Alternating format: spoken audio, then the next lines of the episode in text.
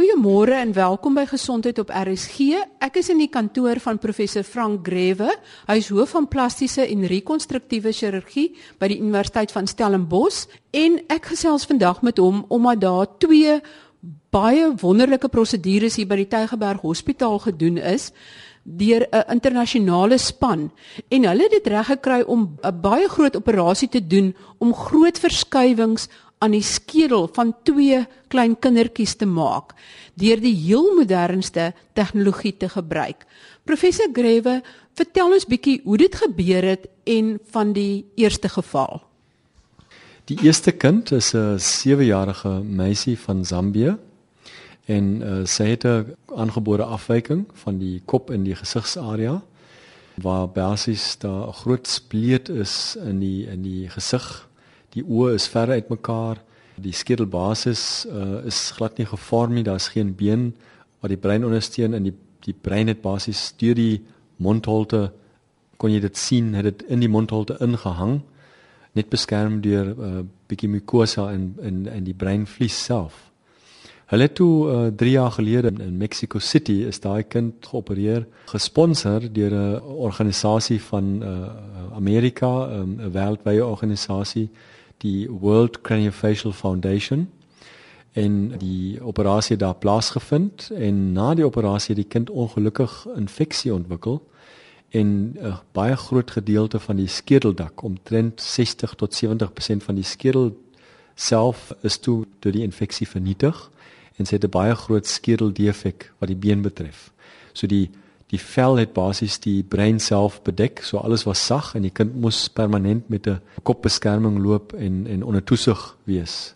Die stigter en die voorsitter van die World Craniofacial Foundation is iemand met wie ek al van tevore saamgewerk het, baie bekende uh, Dr. Ken Sellier. Hy is 'n uh, ongelooflike kapasiteit in craniofasciale chirurgie en is van Dallas in Amerika. Hy het my gevra of omdat die kind van Afrika is of ons die kind nie hier in Kaapstad kan opereer en hy sal ons bystaan met met raad en ook uh, indien dit moontlik is kom uh, tydens die prosedure. En uh, ons het toe uh, die kind uh, laat inkom 6 weke voor die beplande operasie by Tegeberg. Ons het al die vooroperasie ondersoeke gedoen wat ons gewoonlik doen vir al die kraniofasiale kinders by ons en onder andere ook 'n CT scan, 'n RT skandering. Wonderlik om te sien na die tyd was dit die skedelbasis wat hulle met die eerste operasie toe uh, gerekonstrueer het dat dit wel nog daar was en dat dit uh, goed die brein uh, die skedelbasis beskerm ten spyte van die infeksie wat die kind ontwikkel het en dit basies net 'n baie groot gedeelte van die skedeldak afwesig is. Ons het toe daai ehm um, inligting van die RT skandering opgelaai uh, na 'n uh, spesiale ehm um, company in Amerika wat werk met 3D tegnologie. Hulle het ehm um, modelle gemaak en ook uh, rekenaarmodelle en ons het toe 'n videokonferensie gehou. Die spanlede was van drie verskillende kontinente. Dit was ons in die Kaap, dit was ek en my uh, kollega van neurochirurgie en ons plastiese span en dan uh, Dr Ken Celia in Dallas, uh, Dr Bruce Direk, 'n uh, baie bekende pediatriese neurochirurg van Washington en dan die verskillende maatskappye wat betrokke was um, met die vervaardiging van die produkte wat ons gebruik het wat in versprei is in Amerika en ook in Europa. Ons het daar uh, beplan hoe ons die uh, skedeldefek kan sluit en ons het 'n baie innovatiewe metode gebruik waar ons ons sou dit beskryf as been engineering of of 'n tipe van uh, weefsel engineering uh, toegepas het. Ons het 'n um, absorbeerbare raamwerk gemaak. Ons het basies met die driedimensionele model wat ons gedoen het, model gemaak waarin hulle onder steriele omstandighede die absorbeerbare raamwerk kon produseer en dit is in Europa gedoen daai het ons toe tydens die operasie toe ons nou die vel van die uh, breinvlies geskei het en die rande van die been wat nog intak was wat onder by die oogkaste tot heel agter van die skedel gestrek het toe ons die rande geïdentifiseer het kon ons daai raamwerk het presies gepas danksy die driedimensionele beplanning wat ons gedoen het dan het ons onder die uh, raamwerk bone morphogenic protein ingesit. Dis 'n baie sterk groeifaktor wat beenformasie versterk en dan het ons stukkies gedemineraliseerde been wat van kadavers uh, gewen is, uh, maar geen antigeniese of geen proteïene meer bevat van die donor, het ons onder dit ook saam ingesit. En dan weer die vel en alles gesluit. Die kind het baie goed herstel. Die kind is tans weer terug in Zambië en ons is in kontak met die ma en dit gaan baie goed. Ons gaan die kind weer sien oor 5 tot 6 maande vir 'n opvolg hier in die Kaap. Dit is absoluut ongelooflik om te dink dat 'n kind wat eintlik 'n groot deel van sy skedel nie het nie, dat mens eintlik deur 'n model presies soos 'n helm wat pas waar die skedel moet wees en jy sit dan hierdie skoon beenstukkies daarop saam met die baie spesifieke groeihormoon en wie laat dit eintlik toe om dan self te groei tot 'n volledige skedel. Dit is absoluut ongelooflik dat so iets gedoen kan word. Ja, dit dit is basies maar die van die nuutste tegnologie wat ons tans beskikbaar het.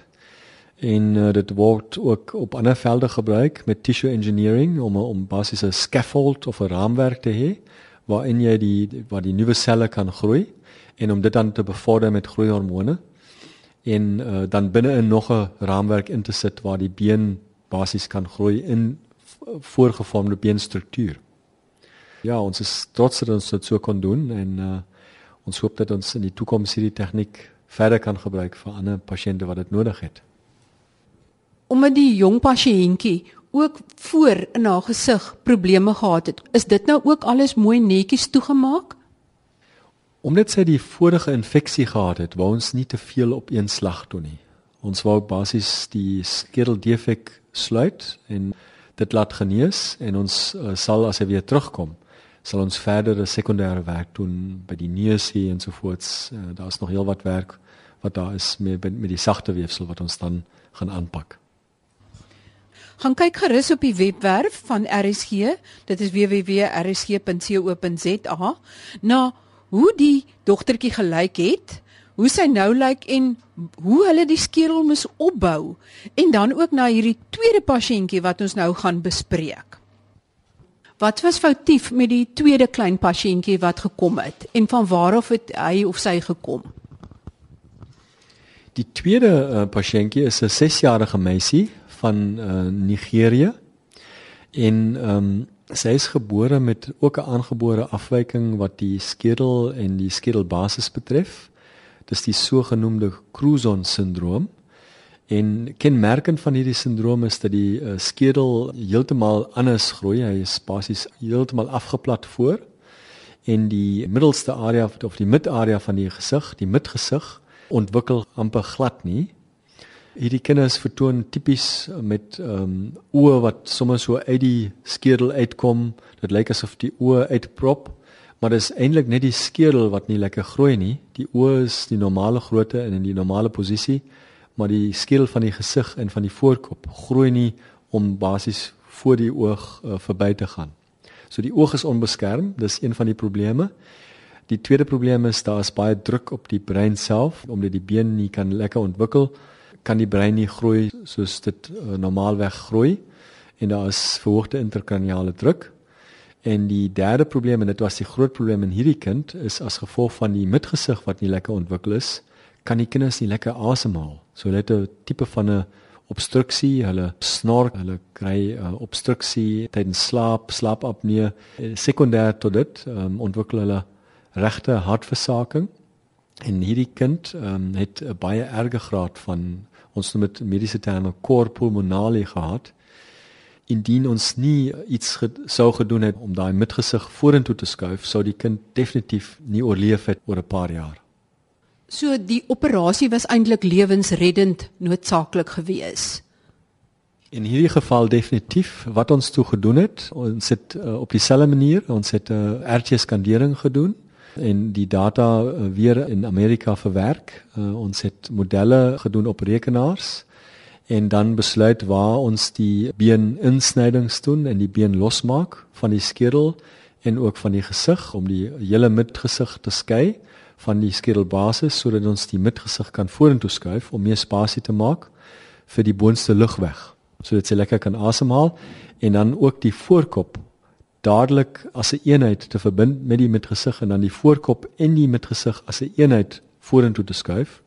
En dis wat bekend staan as 'n sogenaamde monoblok advancement of voorskuif en wat ons verder nog beplan het is dat ons nie die hele gesig vorentoe skuif en dan klein stukkies been in die spasies insit om dit daar te hou, maar dat ons liewes 'n relatiewe nuwe metode van 'n distraksie gebruik om dit stadig vorentoe te skuif sodat daar nuwe been gevorm word want ons vind dit dat uh, beter resultate gee oor die lang termyn.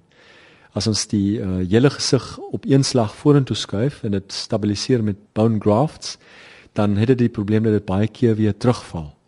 Maar met die distraksie is dit 'n uh, beter langtermyn resultaat. Ons het dit uh, toe gedoen en die kind is tans nog in Tygerberg. Ons is besig om die gesig elke dag uh, tussen 'n halwe en 'n millimeter vorentoe te skuif Ehm um, ons sal dit doen tot ons voel daar is voldoende spasie geskep en dan gaan ons die kind huis toe stuur na, na Nigerië en oor 6 maande weer terugkry om al die instrumentasie uh, die distractors wat van uh, fyn titanium instrumente gemaak is uh, om dit dan alles te verwyder.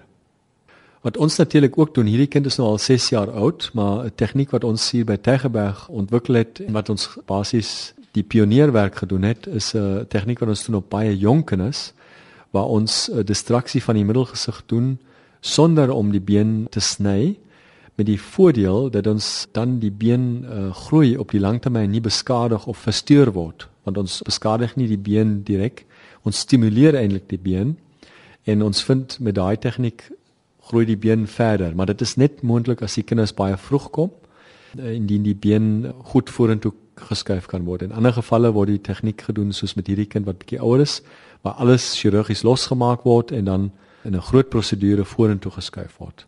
So dis 'n groot prosedure met baie moontlike komplikasies en risiko's van breininfeksie en bloedings. Daar's uh, heelwat uh, moontlike komplikasies en ons kind uh, as gevolg van die uh, harttoestand was 2 weke lank in die intensiewe sorgeenheid en uh, ek moet sê nie net die chirurgie maar danksy 'n baie goeie narkosespan wat tydens die operasie in na die tyd gekyk het en 'n fantastiese span van pediatrie wat die kind in die pediatriese intensiewe sorgeenheid na die kind gekyk het, het die kind baie goed herstel.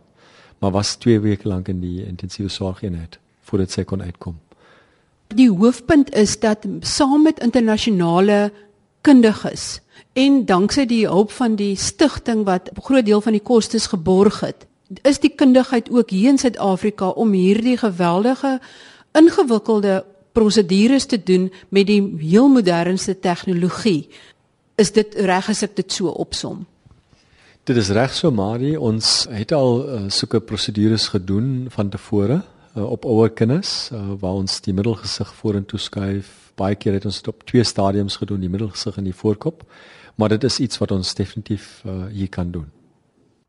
Professor Grewe, die pen wat jy dan insit om die gesig baie stadig vorentoe te skuif. Doen julle dit gereeld? Het julle al 'n hele klompie daarvan hier in Kaapstad gedoen? Ons het seker nou al 'n series van 12 of meer pasiënte wat ons opgedoen het met daai nuutste tegniek wat ons ontwikkel het. En dan het uh, ek persoonlik al gevalle gedoen in die tyd wat ek in München gewerk het waar ons daaraan gewerk het en uh, minder en minder osteotomies op die been self gedoen het. So dit is al heelwat gedoen, maar soos ek gesê het, dit kan net op baie klein jong kinders gedoen word. As hulle te oud is, uh, dan is die been te sterk en en kan nie net deur meganiese stimulasie vorentoe geskuif word en beengroei geïnduseer word. As hulle te oud is en die been te hard is, dan moet die been gesny word of oopgesaag word.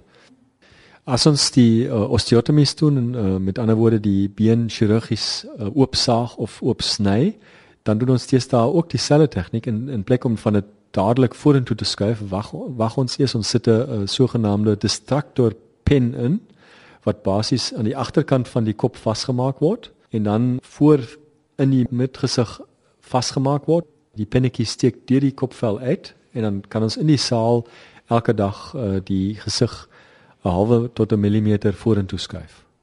ongelooflike nuwe tegnologie en nuwe dinge wat die dokters elke dag uitdink. Stel jou hierdie pen voor wat deur die gesig loop van wang tot wang en wat dan elke dag 'n klein bietjie vorentoe geskuif word. Vergelyk dit met die draadjies in jou tande waar daar draadjies in die tande gesit word om dit geleidelik vorentoe of in die regte posisie in te skuif en elke nou en dan verstel word. So word hierdie pen dan ook elke dag verstel sodat die midgesig dan 'n klein bietjie vorentoe skuif deurdat been gestimuleer word om te groei en dat dit eintlik 'n nuwe gesig is wat so opgebou word. Onthou op die webwerf van RSG het ek die foto's geplaas van hoe dit lyk, so gaan kyk gerus. Professor Frank Grewe, wat hoof is van plastiese en rekonstruktiewe chirurgie aan die Universiteit van Stellenbosch, was betrokke by die heel eerste suksesvolle penisoorplanting wat in die wêreld gedoen is en dit is in Desember verlede jaar by die Tygerberg Hospitaal gedoen onder leiding van professor Andrei van der Merwe van die departement urologie. In hierdie operasie moes professor Grewe baie baie fyn mikrochirurgie doen. Dit beteken letterlik dat hy deur 'n mikroskoop moes kyk om baie baie fyn struktuurtjies te heg. Byvoorbeeld, die slagare wat hy moes heg was maar 1 tot 1.5 mm in deursnee. Maar mikrochirurgie word in verskeie operasies gebruik om baie fyn strukture te heg en dit 'n baie wye toepassing. Daarom gesels ons in die tweede deel oor mikrochirurgie, want dit is nou wraggies fyn werk wat gedoen moet word deur hierdie chirurge. Ja, mikrochirurgie word in baie verskillende areas gebruik teenoor. Plastiese chirurge het baie daarmee te doen want ons doen weefseloorplantings nie net van een mens na die ander wat ons nou met die penis gedoen het, eh, maar ons doen heelwat as ons 'n defek het op die menslike liggaam, uh, sê dit is veroorsaak deur traumatiese probleme, deur kanker of kongenitale probleme, aangebore probleme en, en ons moet die weefsel vervang, dan gebruik ons baie keer weefsel van dieselfde persoon haal dit heeltemal uit baie in prinsip dieselfde soos 'n oorplanting van 'n orgaan of of weefsel die weefsel word heeltemal en blok uitgehaal met die bloedvaatjies beteken die senuwees beteken been spiere alles wat deel van dit is en dan word dit weer ingeplant. En ons gebruik mikrochirurgiese tegnieke. Maar mikrochirurgiese tegnieke word ook gebruik van oogaartste van oorneus en keeldokters wat in klein areas werk. Maar by ons is dit veral met weefseloorplantings waar ons dit gebruik. Of by beserings as ons bloedvaatjies weer moet herstel as dit baie klein is dan word baie keer plastiese chirurgie ingeroep as dit bietjie groter bloedvate is dan doen vaskulêre chirurgie dit wat ook vergroting gebruik maar uh, selde dit onder 'n mikroskoop doen so mikrochirurgie is eintlik chirurgie met behulp van 'n operasie mikroskoop wat is die kleinste struktuurtjies of bloedvaatjies wat jy al moes heg Die kleinste bloedvaatjies wat ons geheg het was so 'n halwe millimeter. Dit raak moeilik. Ons het hier by Tegerberg het ons 'n hele reeks van pediatriese pasiënte wat baie klein bloedvaatjies het. Dit is nogal tricky, dit is nie so maklik en jy het baie geduld nodig. Dit is moeiliker as by 'n volwasse pasiënt. Een van die areas wat ons teesta um, hierdie tegnieke die meeste gebruik um, om dit nou 'n bietjie meer prakties te stel is Ek persoonlik in borsrekonstruksie, ons uh, doen geweldig baie borsrekonstruksies waar ons eie weefsel gebruik en waar dit dan met mikrochirurgiese tegnieke geoes word en dan weer ingeplant word in die bors. Ons gebruik die buikarea, die onderbuik waar ons dit dan verbind met 'n sogenaamde tummy tuck of ons gebruik areas van die boutweefsel. En dan haal ons net vet en vel uit met die bloedvaatjies. Ons ons verwyder geen spier meer nie. Deesdae gebruik ons selfs weefsel van die tye ensovoorts. Ons probeer areas gebruik wat wat kosmeties nie te sleg lyk want borsrekonstruksie het ook kosmetiese aspek baie belangrike kosmetiese aspek die ander areas waar ons dit baie gebruik uh, mikrochirurgie is uh, met kop en nek rekonstruksie dit is pasiënte wat kankers ontwikkel van hulle mond en tong of kakebeen area waar ons daai weefsel dan vervang met eie weefsel. Ons gebruik baie saamgestelde uh, transplantaat wat ons sê maar spier, been um, en vel gebruik in, in een prosedure met een weefseloorplanting. Die woord wat ons gebruik uh, vir daai tipe operasies ons noem dit flappe. Dit is basies 'n flap wat geswaai word, maar nie eintlik geswaai want dit word heeltemal afgesny van die liggaam en dan op 'n ander area ingeplant, so dis 'n dis basies 'n vry flap wat ons doen, die Engelse term is 'n free tissue transfer en dit is maar waar ons mikrochirurgiese tegnieke aanwend. Baie dankie professor Grewe. Ek moet vinnig hier twee waarnemings met julle deel. Regoor professor Grewe se kantoor hier in die mediese skool by die Universiteit van Stellenbosch is daar 'n mikrochirurgie laboratorium waar alle dokters wat belangstel van enige plek oor die land kom om hier onder die wakende oog van een van professor Grewe se assistente te leer hoe om baie baie fyn werk onder 'n chirurgiese mikroskoop te doen. En terwyl ek hier is, is hier 'n hele paar van die leerders wat van oor die land hier is, byvoorbeeld 'n dokter van Bloemfontein en een van die kliniese assistente van die Universiteit van Kaapstad onder meer. Die tweede opmerking wat ek wil maak is oor onmiddellike borsrekonstruksies net na 'n mastektomie as gevolg van kanker. Ek moet sê, die kongresse wat ek bygewoon het oor die afgelope 10, 20 jaar, die uitkomste wat ek deesdae sien is fantasties. Dit wat die dokters nou reg kry oor hoe om 'n bors te rekonstrueer dat dit byna normaal lyk met minimale littekens wat mens kan sien. So as jy met borskanker gediagnoseer word en jy moet 'n volledige mastektomie kry, oorweeg gerus onmiddellike borsrekonstruksie, maar kies die heel beste chirurge wat dit vir jou kan doen. Volgende week kuier ek by Dr Peer van Vollenhoven, 'n uroloog by Medikliniek Panorama wat nou 'n robot gebruik om prostaatoperasies te doen. En dit is baie interessante nuwe tegnologie wat baie interessante insigte gebring het. So luister gerus volgende week. Ek vertel julle van hierdie nuwe wending in prostaat en ander laparoskopiese tipe chirurgie. Tot volgende week dan. Totsiens.